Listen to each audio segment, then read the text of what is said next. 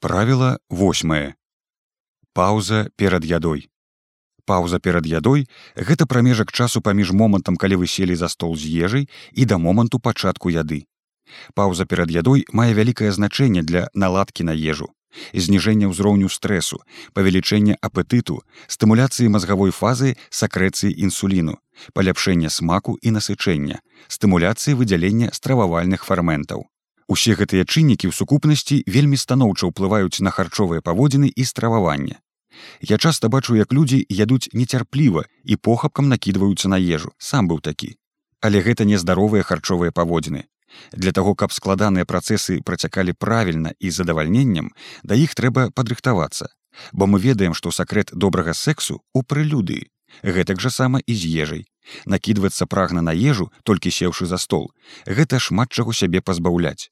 Зрабіце прылюдую перад ядой. Вы атрымаеце нашмат больш задавальнення і карысці. Як з'явілася праблема? Праблема накідвання на ежу з'яўляецца калі гэтаму папярэднічае доўгі перыяд голаду высокі ўзровень стрэсу У спробе суняць пачуццё голаду і стрэсу людзі выкарыстоўваюць ежу, каб як мага хутчэй пазбавіцца ад непрыемных адчуванняў, набіць страўнік, каб адчуць расслабленне і спакой. Такія дзеянні могуць прывесці да пераядання і да горшага засваення ежы. Час прыёму ежы змяншаецца. Ежу ўсё часцей мы купляем. Гэта прыводзіць да таго, што мы пачынаем есці практычна без паўзы перад ядой. Але такая дробная на першы погляд дэталь істотна ўздзейнічае на наш працэс стрававання. Як гэта ўплывае на здароўе? Першае мазгавая фаза стрававання. Выгляд смачнай ежы яе водар стымулююць выдзяленне інсуліну ў невялікіх колькасцях, што рыхтуе нашу сістэму стрававання да прыёму ежы. Такая падрыхтоўка дапамагае лепей кантраляваць апетыт і меней пераядаць. Другое стрэс Рэзкае пераключэнне з працы на яду непажаданае. Паўза перад ядой дапамагае настроіцца на прыняцце ежы, бо стрэсавая сімпацыйная сістэма прыгнятае выдзяленне стрававальных фарментаў і зніжае маторыку кішачніка. А вось расслабленне звязанае з актывацыяй парасімпацыйнай антыстрэсавай сістэмы, якая стымулюе выдзяленне сліны ды іншых сакрэтаў, стымулюе маторыку кішачніка, паляпшае крывацёк у страўнікава-кішачным тракце. Трэцяе аўтаматычнае пераяданне і ўсвядомленасць. Паўза перад ядой зніжае спех і аўтаматычнае рэагаванне. Дапамагае пакінуць негатыўныя эмоцыі не за сталом, атрымаць больш задавальнення і зрабіць больш здаровы выбар стравы.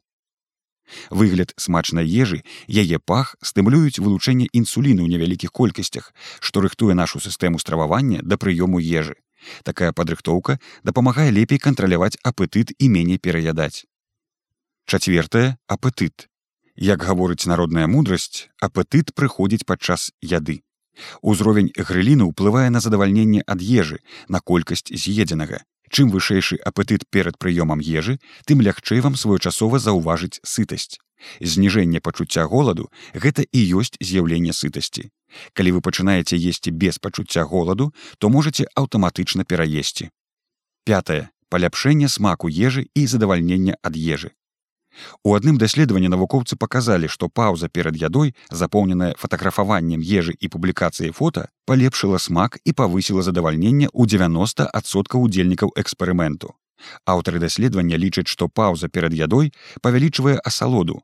Таму карыстайцеся невялікім чаканнем, каб узмацніць смак асноўныя прынцыпы першы зрабіце паўзу перад ядой ад дзвюх до 5 хвілінаў разгледзьце ежу адчуйце яе пах. Падумайце аб тым для чаго вам энергія ежы адкуль з'явілася гэтая ежа і што ёй карыснага і дзейснага.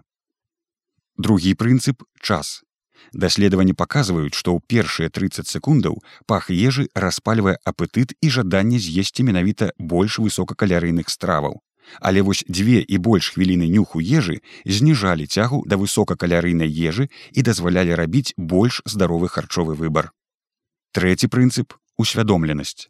З пункту гледжання ўсвядомленасці самая эфектыўная яе форма, якая зніжае стрэс, гэта падзяка. Мы можам падзякаваць тым людзям, хто лавіў, вырошчваў, захоўваў, перавозіў, гатаваў нашу сённяшнюю ежу. Мы можам падзякаваць нашым абставінам, што можам спакойна есці нашу ежу сёння і з намі ўсё ў парадку.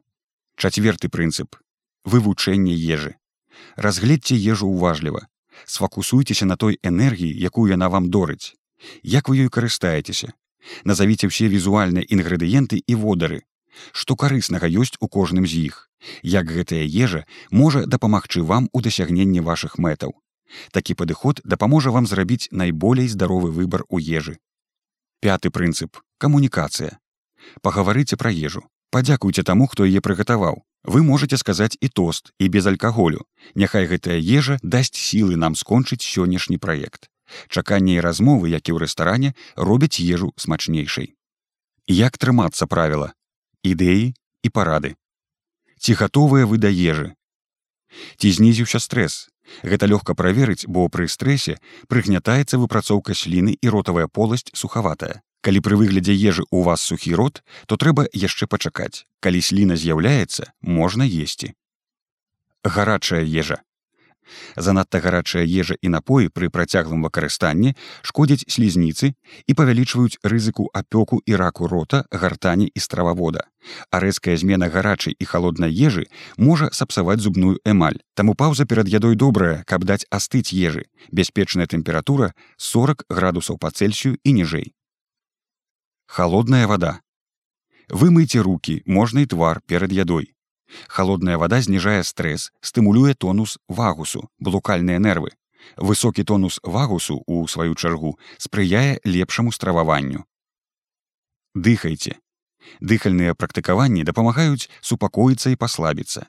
Некалькі глыбокіх выдыхаў з невялікай затрымкай на выдыху дапамогуць вам. Можна выкарыстоўваць адмысловы дадатак на смартфоне. Паважайце ежу, важно ставіцца да ежы з павагай. Калі мы садзімся за стол з думкай не памерці б з голаду ад гэтай травы то ані задавальнення ані сытасці мы не атрымаем. Калі вы ўспрымаеце ежу як крыніцу энергіі з удзячнасцю і падзякай задавальненнем гэта будзе карысна для здаровых харчовых паводзінаў. А калі ведаеце колькі там вітамінаў мінералаў і карысных рэчываў колькі энергіі то гэтыя веды і павага трансфармуюцца ў сытасць і задавальненне думайце пра ежу як пра крыніцу энергіі. Бо гэта сапраўды так. Лічаныя месяцы таму энергія змешчаная ў хімічных сувязях вашай брокалі была фатонамі якія нарадзіліся ў тэрмаядзерных сонечных рэакцыях. Ведайце і паважайце ежу і яна адкажа вам узаемнасцю. Задайце сабе правільнае пытанне. Ці ўзбагачае гэтая ежа мой рацыён? Наколькі я галодны? Ці можна з'есці больш здаровую альтэрнатыву якую порцыю я збіраюся з'есці. Даследаванні паказалі, што візуалізацыя меншай порцыі падчас ежы прыводзіць да зніжэння колькасці з'едзеных калорыяў. Ці можна піць перад ежай? У цэлым можна, калі адчуваеце смагу. Пасля шклянкі вады няхай пройдзе яшчэ пара хвілінаў да прыёму ежы. Водна-солевы балянс разабраны ў раздзелах водны балянс, балянс натрый калій. Малітва вы можете прыдумаць ці ўзяць існую малітву якую будете чытаць перад ядой. Стаўшы часткай вашага рытуалу яна выдатна супакоіць і цудоўна настроіць на сталаванне